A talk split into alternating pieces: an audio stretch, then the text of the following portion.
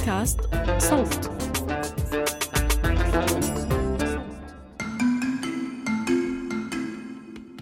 مرحبا. أنا جنى قزاز من فريق صوت. منشارك معكم حلقة عن فلسطين استعرناها من بودكاست جديد من صوت بعنوان قصص من فلسطين. استحدثنا البرنامج لنجمع فيه كل القصص اللي أنتجناها سابقاً عن فلسطين ولننشر كمان حلقات جديدة بدأنا بإنتاجها من بداية حرب الإبادة اللي عم يمارسها الاحتلال الإسرائيلي على قطاع غزة وكل فلسطين المحتلة من 7 أكتوبر تشرين الأول.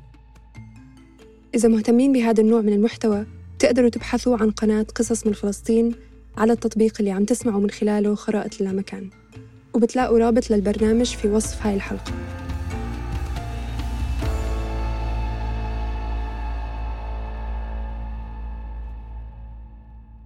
إننا ندعو مصر. إننا ندعو مصر لاتخاذ قرار تاريخي وأن تنحاز للعروبة والإنسانية وتفتح معبر رفح بشكل عاجل لإدخال المساعدات الإنسانية. الزمان 30 أكتوبر 2023 المكان معبر رفح. الحدث المعبر مازال مقفول بعد مرور 23 يوم من العدوان على قطاع غزة. ومناشدات من جهات متعددة بفتح المعبر لإدخال المساعدات الطبية والوقود وضمان خروج الجرحى والمرضى من القطاع. أهلا بيكم في حلقة جديدة من السلسلة الخاصة عن فلسطين. حلقات بننشرها على بودكاست قصص من فلسطين ومعاكم أحمد إيمان زكريا من فريق صوت. بنشارككم في السلسلة دي معلومات أساسية عن قطاع غزة. ربما أصبحت غايبة عن البعض. معلومات يمكن ضاعت وسط تفاصيل الحروب المتوالية على القطاع. تفاصيل مرهقة خلتنا ننسى أحيانا إن البديهيات هي جذر القضية ونقطة انطلاقها. في السلسلة دي بنوثق تاريخ القطاع والحصار اللي بيتعرض له من عقدين تقريبا والأدوار الإقليمية والدولية تجاه قطاع غزة سواء بدعمه أو زيادة التضييق على سكانه وعلى حرية الحركة وإدخال المساعدات الإنسانية. في حلقة النهاردة هنحكي أكتر عن معابر قطاع غزة ودورها في زيادة التضييق على المواطنين هناك. هاي هاي جباتهم هاي جباتهم جباتهم جباتهم الهما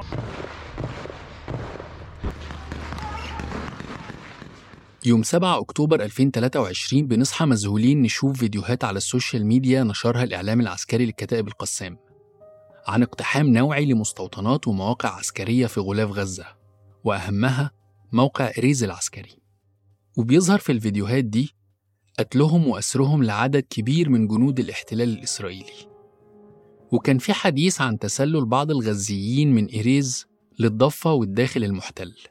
بس خلينا حاليا مركزين على اقتحام موقع إيريز اللي هيرتبط معانا في الحلقة بمعبر إيريز أو بيت حنون. بعد أيام وبسبب الخسائر الكبيرة اللي أصابت كيان الاحتلال توحش وبقى بينتقم بشكل جنوني.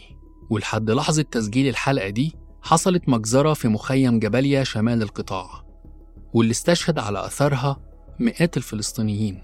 ده غير قصف المستشفيات وأبراج الاتصالات والمخابز اللي بيحصل على مدار الأيام اللي فاتت. قد صدر هذا البيان الذي أشرت إليه عن المتحدث العسكري الرسمي باسم القوات المسلحة المصرية. قال فيه إنه خلال الاشتباكات الدائرة حاليا في قطاع غزة أصيب أحد أبراج المراقبة الحدودية المصرية على الحدود المصرية بشظايا قذيفة من دبابة إسرائيلية عن طريق الخطأ. وفي ظل الأحداث المتسارعة دي الإعلام بقى بيحكي بشكل أكبر عن معبر رفح. وأهمية فتحه في الظروف المأساوية اللي بيعيشها أهل غزة. وبعدها بأيام قليلة سمعنا خبر إنه إسرائيل قصفت عن طريق الخطأ موقع مصري في منطقة كرم أبو سالم. سبقها مطالبات بفتح معبر كرم أبو سالم لإدخال المساعدات لغزة. هنتكلم في الحلقة دي عن معابر قطاع غزة بالتفصيل وإزاي حصرتهم إسرائيل وفقا لسياساتها الاستيطانية الإحلالية من سبع معابر لثلاث معابر. التلات معابر اللي شغالين هم معبر بيت حنون أو إيريز ومعبر كرم أبو سالم ومعبر رفح. والمعابر الأربعة التانيين هم معبر الشجاعية معبر المنطار معبر القرارة معبر العودة. المعابر بدأ إنشاء أغلبها في سبعينات القرن اللي فات. ست معابر مسيطرة عليهم إسرائيل والمعبر الوحيد اللي خارج عن سيطرة الاحتلال بشكل ما هو معبر رفح لأنه مرتبط بحدود مصر. مع سنة 2005 وانسحاب الاحتلال الإسرائيلي بشكل كامل من القطاع تم توقيع اتفاقية المعابر في نوفمبر 2005 بين إسرائيل والسلطة الفلسطينية. وبدأنا نسمع عن استخدام إسرائيل للمعابر كأداة للحصار. اتفاق المعابر يعتبر أول تنظيم قانوني تم فيه وضع شروط وضوابط بتنظم حركة المرور من وإلى الأراضي الفلسطينية المحتلة من خلال معبر رفح. واتكلمت الاتفاقية عن المعابر الستة التانيين بشكل مقتضب وركزت الاتفاقية على معبر رفح وقالت إنه بيسمح بمرور المواطنين الفلسطينيين من المعبر بإدارة مصرية فلسطينية كطرف أول وبمتابعة أمنية إسرائيلية كطرف تاني لكشوفات المسافرين الداخلين أو الخارجين وبإشراف الاتحاد الأوروبي كمراقبين دوليين وهنا هم بيمثلوا الطرف الثالث والسلطة الفلسطينية بموجب الاتفاق مع إسرائيل عليها أن تبلغ بدخول الدبلوماسيين أو المستثمرين أو الضيوف الأجانب. أما إسرائيل فتمتلك الحق في التحفظ على دخول أي منهم لكن القرار النهائي هيكون في إيد السلطة الفلسطينية. الجانب المصري دوره بيكون طبقا للمعايير الدولية وتماشيا مع القانون الفلسطيني. أما الجانب الأوروبي فله الحق أنه يطلب تفتيش إضافي للمسافرين الفلسطينيين أو حقائبهم. الاتفاقية كمان ذكرت معبر كرم أبو سالم واتسمح للمعبر في الاتفاقية بدخول البضائع التجارية من مصر لقطاع غزة ومسؤولي الجمارك الفلسطينيين بيعملوا تخليص للبضائع بإشراف إسرائيلي. أما المعبر الثالث اللي اتذكر في الاتفاقية هو معبر المنطار واللي بتتجمع فيه البضائع وتتنقل من معبر بيت حنون ومن معابر الضفة وبيسمح فيه بدخول 150 شاحنة يومياً. وهو الحد الأدنى من الاحتياجات لضمان سير الاقتصاد الفلسطيني بناء على تقديرات البنك الدولي.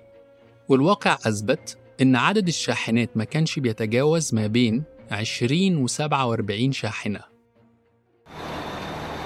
في خطوة هي الأولى من نوعها دخلت إحدى عشرة شاحنة محملة بالوقود المخصص لمحطة توليد الطاقة من الجانب اتفاقية المعابر اتقابلت بمعارضة جديدة من معظم الفصائل الفلسطينية لأسباب عديدة من أهمها إنها كانت متماهية مع الرؤية الأمنية الإسرائيلية. يعني بتدي إسرائيل مساحة أكبر للتحكم في الأشخاص المسافرين أو وضعهم على قوائم المنع السوداء. يعني ببساطة إسرائيل عندها قدرة على التحكم بحركات المقاومة والفصائل الفلسطينية. وبعد فوز حركة حماس بالانتخابات كثفت إسرائيل إجراءاتها على التنقل والحركة على سكان القطاع لدرجة الإغلاق الشامل. وفضل الثلاث معابر بس اللي شغالة من أصل سبع معابر. وتم تقليص دخول البضائع المسموح بيها. واللي عرفته إسرائيل إنه الحد الأدنى الإنساني. فحسبت السعرات اللي بيحتاجها الفلسطيني في غزة علشان يفضل على قيد الحياة. وقرر الاحتلال وفق وثيقة عنوانها استهلاك الغذاء في قطاع غزة الخطوط الحمراء. والوثيقة حطت قيود على دخول الأغذية لغزة وكانت سارية المفعول من سنة 2007 لحد 2010 ومن ضمن القيود اللي في الوثيقة إن الغزاوي بيحتاج 2279 سعر حراري في اليوم. ووفقا للتحليلات والحسابات الخاصة بالسعرات الاحتلال سمح بإدخال حوالي 150 شاحنة للقطاع كل أسبوع لكنه قلصها بعد كده ل 101 شاحنة في الأسبوع لأن الاحتلال اكتشف إن في منتجات محلية الصنع وده معناه إن السلع دي هتعوض نقص الشاحنات. وبالإضافة لنقص البضايع تم تقليص كمية الوقود الداخل للقطاع. واتمنعت حركة الأشخاص بين قطاع غزة والضفة الغربية والداخل المحتل. من الآخر كده تم تجاوز اتفاقية عام 2005 خاصة بعد الانسحاب الأوروبي من معبر رفح وتوقف عمل البعثة في 2007 وكان التفسير إنه في عناصر إرهابية في المعبر اللي هي حماس ومش ممكن التعامل مع العناصر دي. واتكررت إغلاقات المعابر بشكل عشوائي.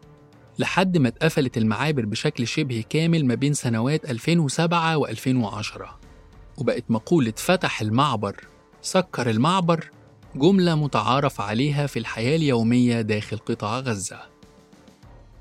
طيب بعد فشل الاتفاقية مهم بقى نحكي شوية معلومات أساسية عن السبع معابر. وإيه موقفهم الراهن؟ أول معبر معبر الشجاعية. أو نحال عوز بالتسمية العبرية. المعبر من اسمه موجود في حي الشجاعية أو الشجاعية شرق مدينة غزة وكانت بتسيطر عليه إسرائيل بالكامل.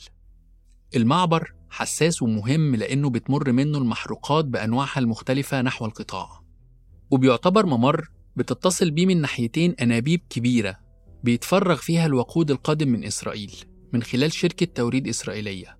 فهنلاقي على الجزء الغربي منه خزانات مخصصة لمشتقات البترول السولار والبنزين وعلى الجانب الشرقي منه خزانات مخصصة للغاز الطبيعي.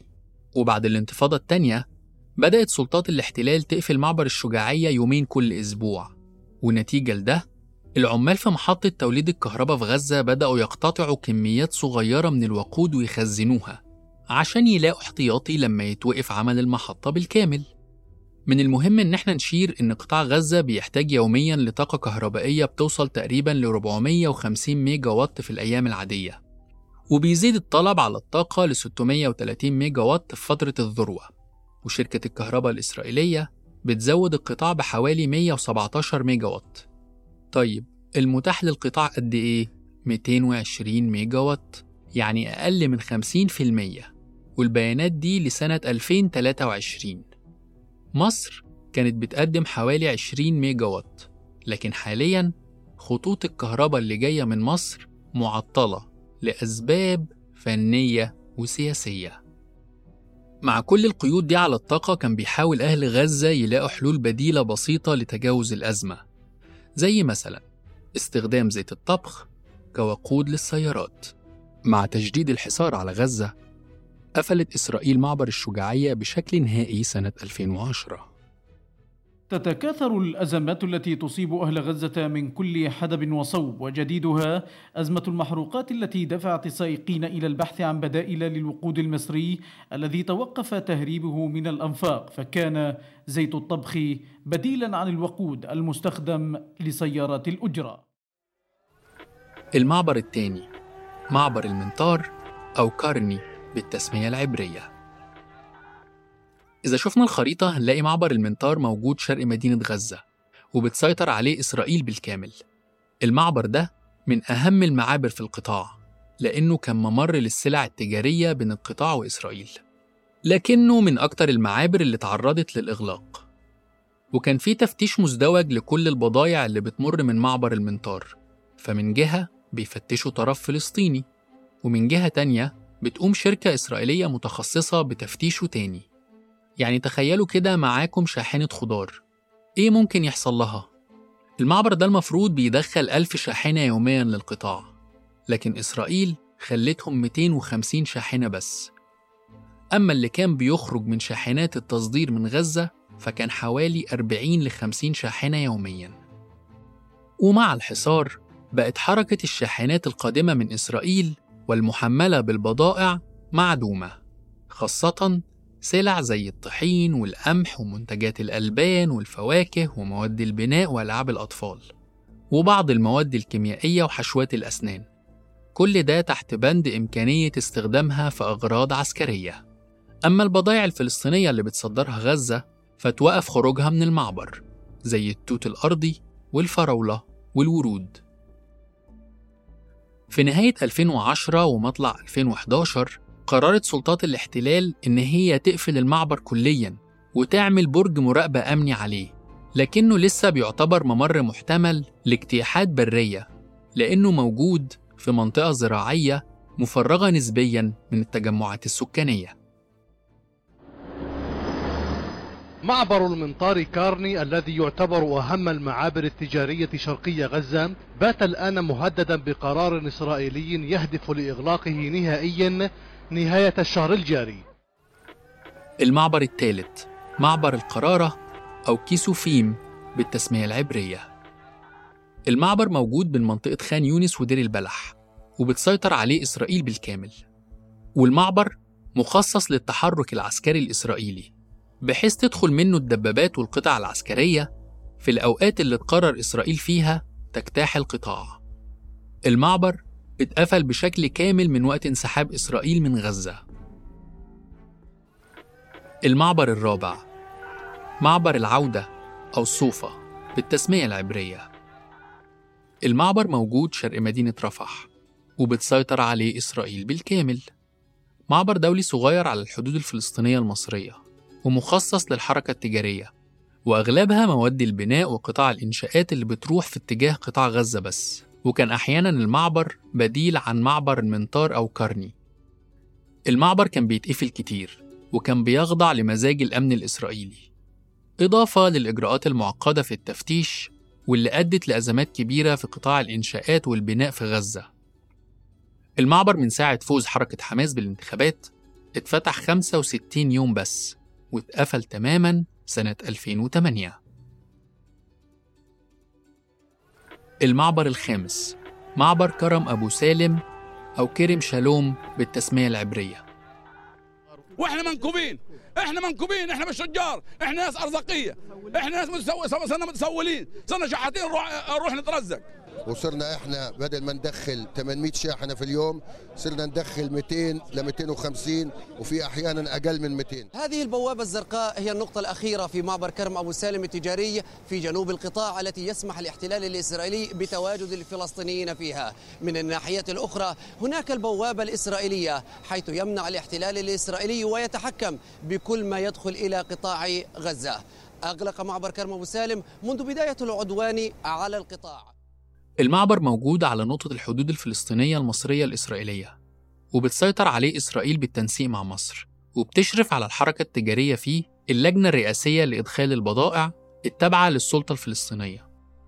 المعبر مخصص للحركة التجارية بين القطاع والضفة الغربية والداخل المحتل وبيمثل النافذة الوحيدة لعمل عشرات المصانع والمزارعين اللي بيقوموا بتسويق منتجاتهم خارج القطاع.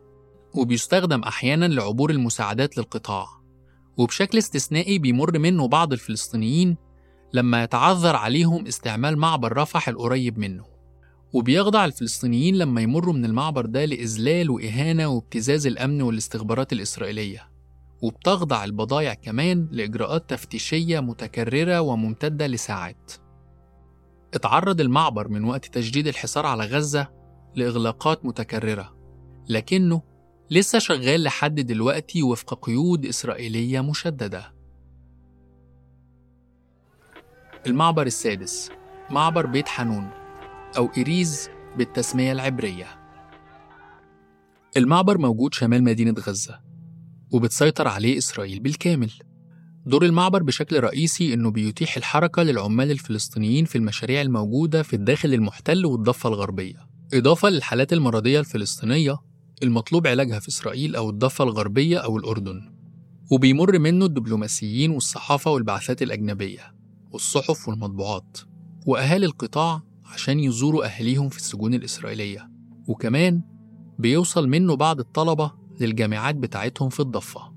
لكن من وقت توقيع اتفاقية المعابر قلصت إسرائيل العمالة الغزية في الداخل المحتل والضفة الغربية تدريجياً وفرضت قيود مشددة على حركة التجار من غزة للضفة والعكس. أعلنت السلطات الإسرائيلية اليوم إغلاق معبر بيت حنون إيرز بشكل كامل في وجه المسافرين الفلسطينيين عدا الحالات الإنسانية الطارئة. ومع بداية مسيرة العودة سنة 2018 اللي نظمها الفلسطينيين على الحدود قفلت السلطات الإسرائيلية معبر إيريز ست مرات في الفترة ما بين أغسطس آب 2018 ويونيو حزيران 2019 كنوع من العقاب الجماعي. لكن المعبر لسه شغال لحد دلوقتي عن طريق تنسيق الصليب الأحمر الدولي بين الطرفين الفلسطيني والإسرائيلي.